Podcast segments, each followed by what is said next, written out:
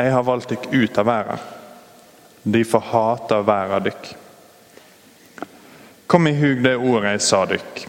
En tjener er ikke større enn Herren sin. Har de forfulgt meg, vil de forfølge dykk òg. Har de holdt fast på mitt ord, vil de holde fast på dykka ord. Men alt dette kommer de til å gjøre mot dykk for mitt navns skyld, fordi de ikke kjenner Han som har sendt meg. Var jeg ikke kommet, og hadde jeg ikke talt til dem, da hadde de vært uten synd. Men nå har de ingenting å årsake synda si med. Den som hater meg, hater også far min. Hadde jeg ikke gjort slike gjerninger mellom dem som ingen annen har gjort, hadde de vært uten skyld. Men nå har de sett gjerningene og hater både meg og far min. Men det ordet som står i lova deres, skulle oppfylles. De hater meg uten grunn. Når talsmannen kommer, han som jeg skal sende dere fra far, sanningsanden som går ut fra far, da skal han vitne om meg. Men det skal òg vitne, for det har vært med meg fra første stund.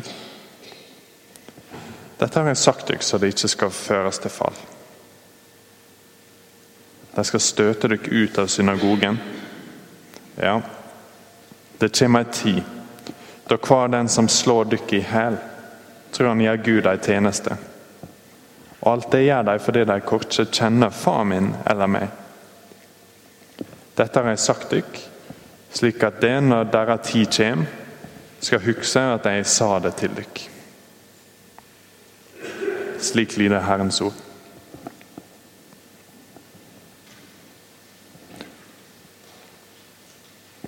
Kan være at teksten fortsetter litt. I min bibel er det et avsnitt. Så hvis jeg glemte å lese litt på slutten, så var det derfor. Det kan virke litt voldsomt, den teksten. Hater folk Jesus, liksom? Hvis du tar en kikk på vers 18 igjen. Når været hater dykk, skal du vite at du hater meg først. Egentlig så, altså, tenker man ikke sånn vanligvis at folk hater Jesus så intenst. Jesus er nå relativt populær. Det er ikke alle som er så glad i kirka, og kanskje kristendommen kan jo variere litt hvor populær den er. Men Jesus er egentlig ganske populær. Så da er det litt spesielt at han står her og så sier han at folk hater han. Så hvordan skal vi forstå det? Egentlig er det ganske naturlig hvis du tenker på hva dag han sier dette på. Det er kvelden før han blir korsfesta. Det er mindre enn 24 timer igjen til Jesus blir drept. Og Hvis noen dreper deg, så er det kanskje nærliggende også å tenke at de ikke liker deg så godt. Kanskje de faktisk hater deg. Og Egentlig så er dette et tema som er gått gjennom hele Johannes-evangeliet. Det er der i det første kapittelet. Kapittel 1, vers 11 og 12, så står det dette. Han kom til sitt eget. Hans egne tok ikke imot ham. Men alle som tok imot han, de ga han rett til å bli Guds barn. De som tror på navnet hans. Så Han kom til sitt eget, han kom til sitt folk. ikke sant? Og um, Her står de religiøse lederne, de som burde ha peiling på hvem Gud var, og hvordan han ville vise seg. Men de tar ikke imot han. Og så er det noen som tar imot han, en litt uventa gjeng som ikke er så veldig utdanna eller har så masse å vise til, kanskje. Men det er faktisk en gjeng, en stor gjeng, som hater Jesus. Og Det virker som om folk blir delt litt i to grupper. Enten så er de veldig frustrert med han, de er fornærma de er, egentlig en avsky mot det han snakker om og den han er. Eller så virker de utrolig grepne. Hvem er han her?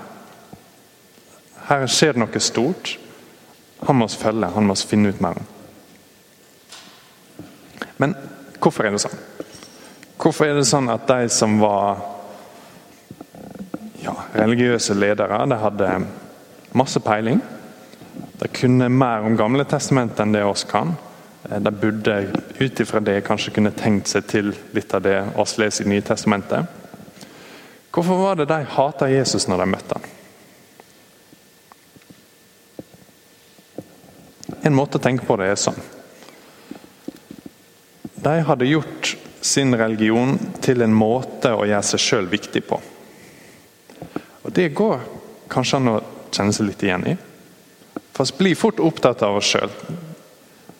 Og det kan bli sånn at ok, jorda går i bane rundt sola, men det føles litt som om jorda går i bane rundt oss.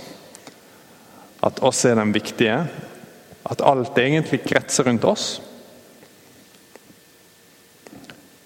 Og for noen er det ikke sånn. For noen er det litt annerledes. At ok, alt kretser ikke rundt meg, men kanskje det kretser rundt dine. At det er din familie og de gruppe og ditt ja, parti eller lag eller hva det nå enn er. Og Når det da kommer noen som faktisk har rett på den sentrumsplassen, så har vi to svar. Enten skal vi bli kjempeglad. Åh, jeg trodde det var jeg som var sentrum. Så deilig å slippe det. Jeg ser nå at du er sentrum. Spennende.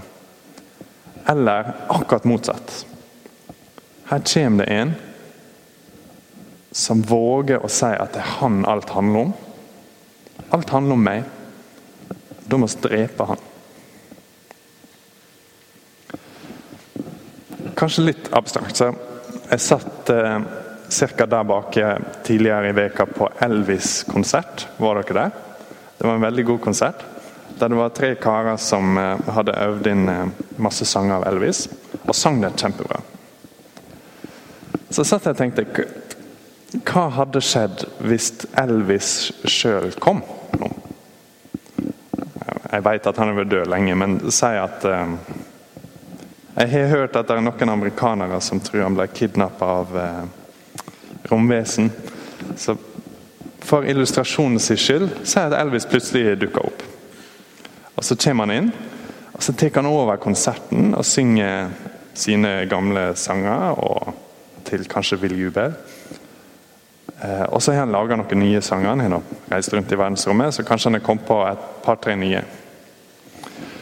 Da går det an å se for seg to svar fra de karene som var her og sang. ikke sant? Enten så kan de tenke Wow. Og så hadde laga en ganske god konsert, men så hadde jeg aldri trodd at Elvis sjøl skulle komme. Dette er uendelig masse bedre enn hva vi noen, gang, noen gang kunne fått det. Det er ikke en Elvis-imitasjonskonsert. Elvis er her. Kjempekult. Så alle hadde glemt av dem. Men de kunne vært kjempeglade for det. Men de kunne hatt motsatt reaksjon også. ikke sant? De kunne tenkt hvem i alle dager er han fyren her? Han ligner ikke på Elvis engang. Disse nye sangene er åpenbart ikke skrevet av Elvis. Og Hvorfor kommer han her og ødelegger vår konsert? Vi har øvd på dette i mange mange måneder. Ja, Dette er jobben vår. Hvem er han? Han må vekk. Og så må spørre Rune om han kan komme og hive han ut, eller noen andre som er store og sterke. Ikke sant? Det går an å forstå at begge svarene er mulige. Og Det er det egentlig å se i praksis med Jesus. For Jesus kommer, og så sier han store ting om seg sjøl. Han sier at han er Guds sønn. Han sier at veien til Gud er gjennom han. Han sier at hvis oss vil ha et forhold til Gud hvis vi vil bli frelst, hvis vi vil ha et evig liv i glede og ikke i sorg, så må vi komme til Han. Det er dødsfornærmende. Det de tåler ikke det. Så de må kvitte seg med han. Eller det er utrolig fengende, og det griper hjertet deres, sånn at de følger han. Og ser på disiplene nå at eh, i løpet av den kvelden som kommer videre her, så svikter de Jesus. Og de stikker av. og De tør ikke helt å følge. Men lenger ute i historien så kommer Den hellige ande og gir dem kraft. Sånn at de kan følge han og vitne om han. Men hvis du leser i bøker og snakker med folk som ja, er høyt utdanna, kanskje, og sånn, så sier de ja, jeg liker ikke helt den tanken om at Jesus sier at han er den eneste veien til Gud. Er ikke det ganske hovmodig?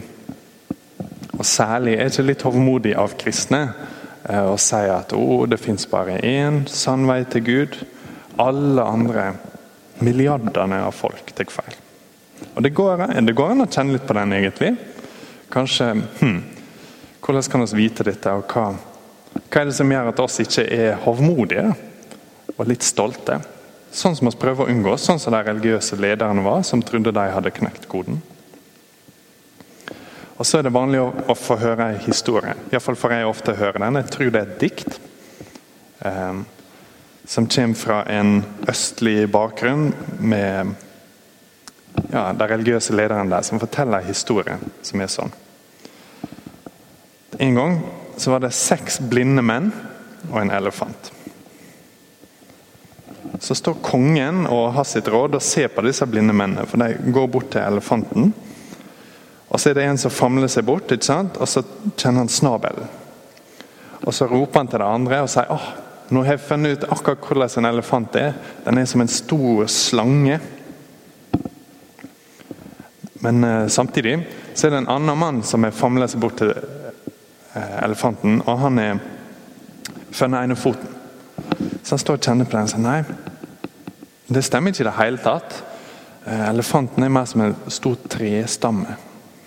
Så fortsetter det sånn. ikke sant? Dere ser cirka hvor det går. Det er en som kjenner på sida av elefanten og tror det er en vegg. Det er en som trekker den i halen og tror det er tau, osv. Og, og så er poenget da at kongen står og ser på dette og sier Ingen av dere griper hele sannheten.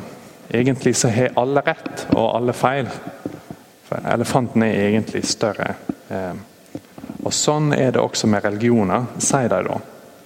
Ingen kan vite hele sannheten. Ingen kan si at min del er den rette og din del er feil. For oss er blinde og ser ikke hele elefanten. Ok. Ganske god historie, egentlig. Men stemmer det? Er det sånn at vi ikke kan si at Jesus har rett når han sier at han er Gud? For det er oss er som blinde menn som går bort til en elefant? Det er en kar som heter Leslie Newbegin som var, han var misjonær i uh, India, og så flyttet han tilbake til, uh, til Vesten. Han har skrevet noe om dette, så jeg tenkte jeg skulle lese til dere. Om hvor stolt er det egentlig å, å si at Jesus er den eneste veien til Gud. Så Han skriver om akkurat denne fortellinga. At historien er fortalt fra synspunktet til kongen eh, og folka har i rådet som ikke er blinde. For de kan se at de blinde mennene ikke klarer å ta inn over seg den fulle sannheten om hva en elefant er. ikke sant? De står og ser på og ser at ok, her er en blind mann som trekker han i halen. Han tror at en elefant er det samme som et tau, men det stemmer ikke. Så Den historien sier Leslie Newbien, blir stadig fortalt for å nøytralisere de store religionene for å si at de bør egentlig lære seg ydmykhet og innse at ingen kan ha mer enn én en del av sannheten. Men selve poenget i historien er motsatt. Hvis kongen var blind, så ville det ikke vært noen historie. Historien blir fortalt av kongen, og det er faktisk veldig arrogant å si at en sjøl er den som ser hele sanninga. At en sjøl er den som ser at alle verdens religioner bare famler etter noe de ikke forstår. Det Leslie Newbegin påpeker, er at hvis du går bort til folk og sier Det er utrolig arrogant av deg å si at du vet hva som er sant i det religiøse. Ingen vet hva som er sant. Alt er like sant, alt er like feil. Det kan du si hvis du er den som ser, og hvis alle andre er blinde. Hvis du kan se at oi, dere har bare fått tak i fot på elefanten, men de, de har fått tak i halen.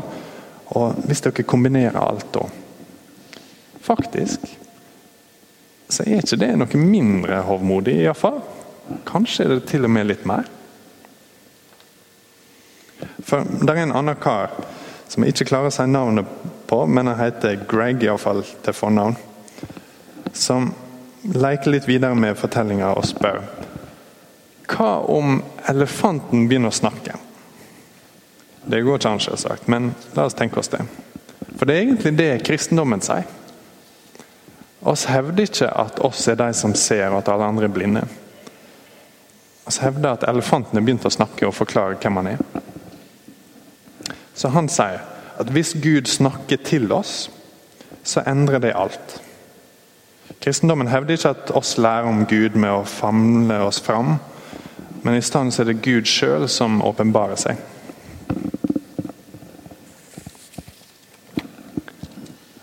Og Det er det som skjer i denne teksten. Her Her står Jesus og sier at han er Gud.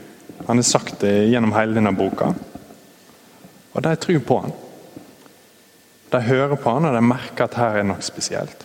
Og så sier han til dem at nå skal de vitne om han. De skal gå ut og fortelle andre folk om at her er en Han må være den han sier han er. og så klarer ikke å forstå det på noen annen måte. Når han snakker, så feller ting på plass. Så advarer han dem om at hvis de går rundt og sier sånne ting, så bør de forvente samme dynamikken som han opplevde. Se på vers 19 en gang til. Hadde det vært av verden, da hadde verden elska sitt eget. Men det er ikke av verden, derfor har jeg valgt dere ut av verden. Og de får hate verden dere. Kom i hug det ordet jeg sa dere, en tjener er ikke større enn Herren sin. Har de forfulgt meg, vil de forfølge dere òg. Har de holdt fast på mitt ord, vil de holde fast på deres ord. Og sa i starten ikke sant, at de hater Jesus fordi de tenker at verden handler om dem. At de er den viktigste i universet, og at det er de som definerer hva som er rett og galt, og hva som er sunt og godt, og hva som ikke er det. Og Når de møter Jesus, så møter de med avsky. For han ødelegger det systemet deres. Han har sitt eget system. Og Da er det naturlig også at når disiplene til Jesus går ut og forteller folk om dette, så vil de møte den samme dynamikken. Og dere vil møte den samme dynamikken. At noen vil møte denne gode nyheten om Jesus med stor glede. Og tenke oi, før så var jeg blind, men nå ser jeg. Dette er stort. Jesus er den han sier han er, og dette forandrer alt. Og Noen vil tenke dette er forferdelig arrogant. Hvis du skal snakke sånn, så må du egentlig gå. Og Det er helt naturlig. Det betyr ikke at det er feil. Det betyr bare at det handler om noe som er så stort at det er ganske fornærmende i seg sjøl. Men det kan også gi stor glede. For hva, hva er det Jesus snakker om? Tenk på Johannes 3, 16.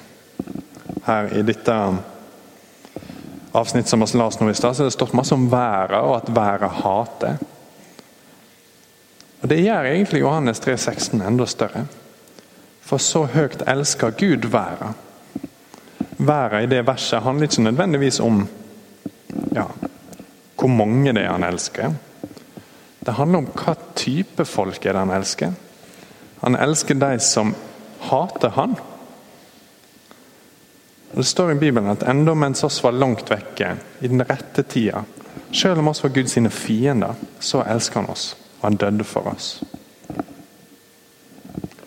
Og Det dere ser i praksis her Senere den kvelden så gir Jesus seg opp til, eh, til de som kommer for å ta ham. Neste dag så dør han på korset. Han dør både for de som elsker han, og de som hater han. Det er en skikkelig liten gjeng som følger han på dette tidspunktet. Men det blir en stor gjeng. Og det blir en gjeng som vokser og vokser etter hvert som folk får høre om at Jesus har dødd for deg. Den synda du ber på, det hatet som kan velle opp når du ser at han sier så store ting om seg sjøl. Det er egentlig en mulighet til å legge seg sjøl vekk.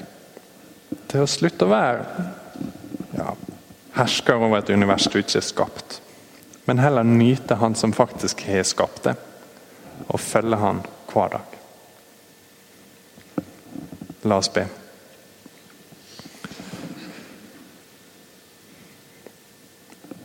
Jesus, oss er overvelda og ja, imponert over din kjærlighet og din godhet. At sjøl med den motstanden du møtte, og med, ja, med det hatet fra folk med makt og med autoritet, så fortsatte du likevel helt til korset og døde for oss. Sånn at veien til Gud er åpen gjennom det offeret som du ga, som oss sjøl ikke kan gi. Og takk for at vi nå kan komme til deg og følge deg, og i deg finne ei evig glede. Amen.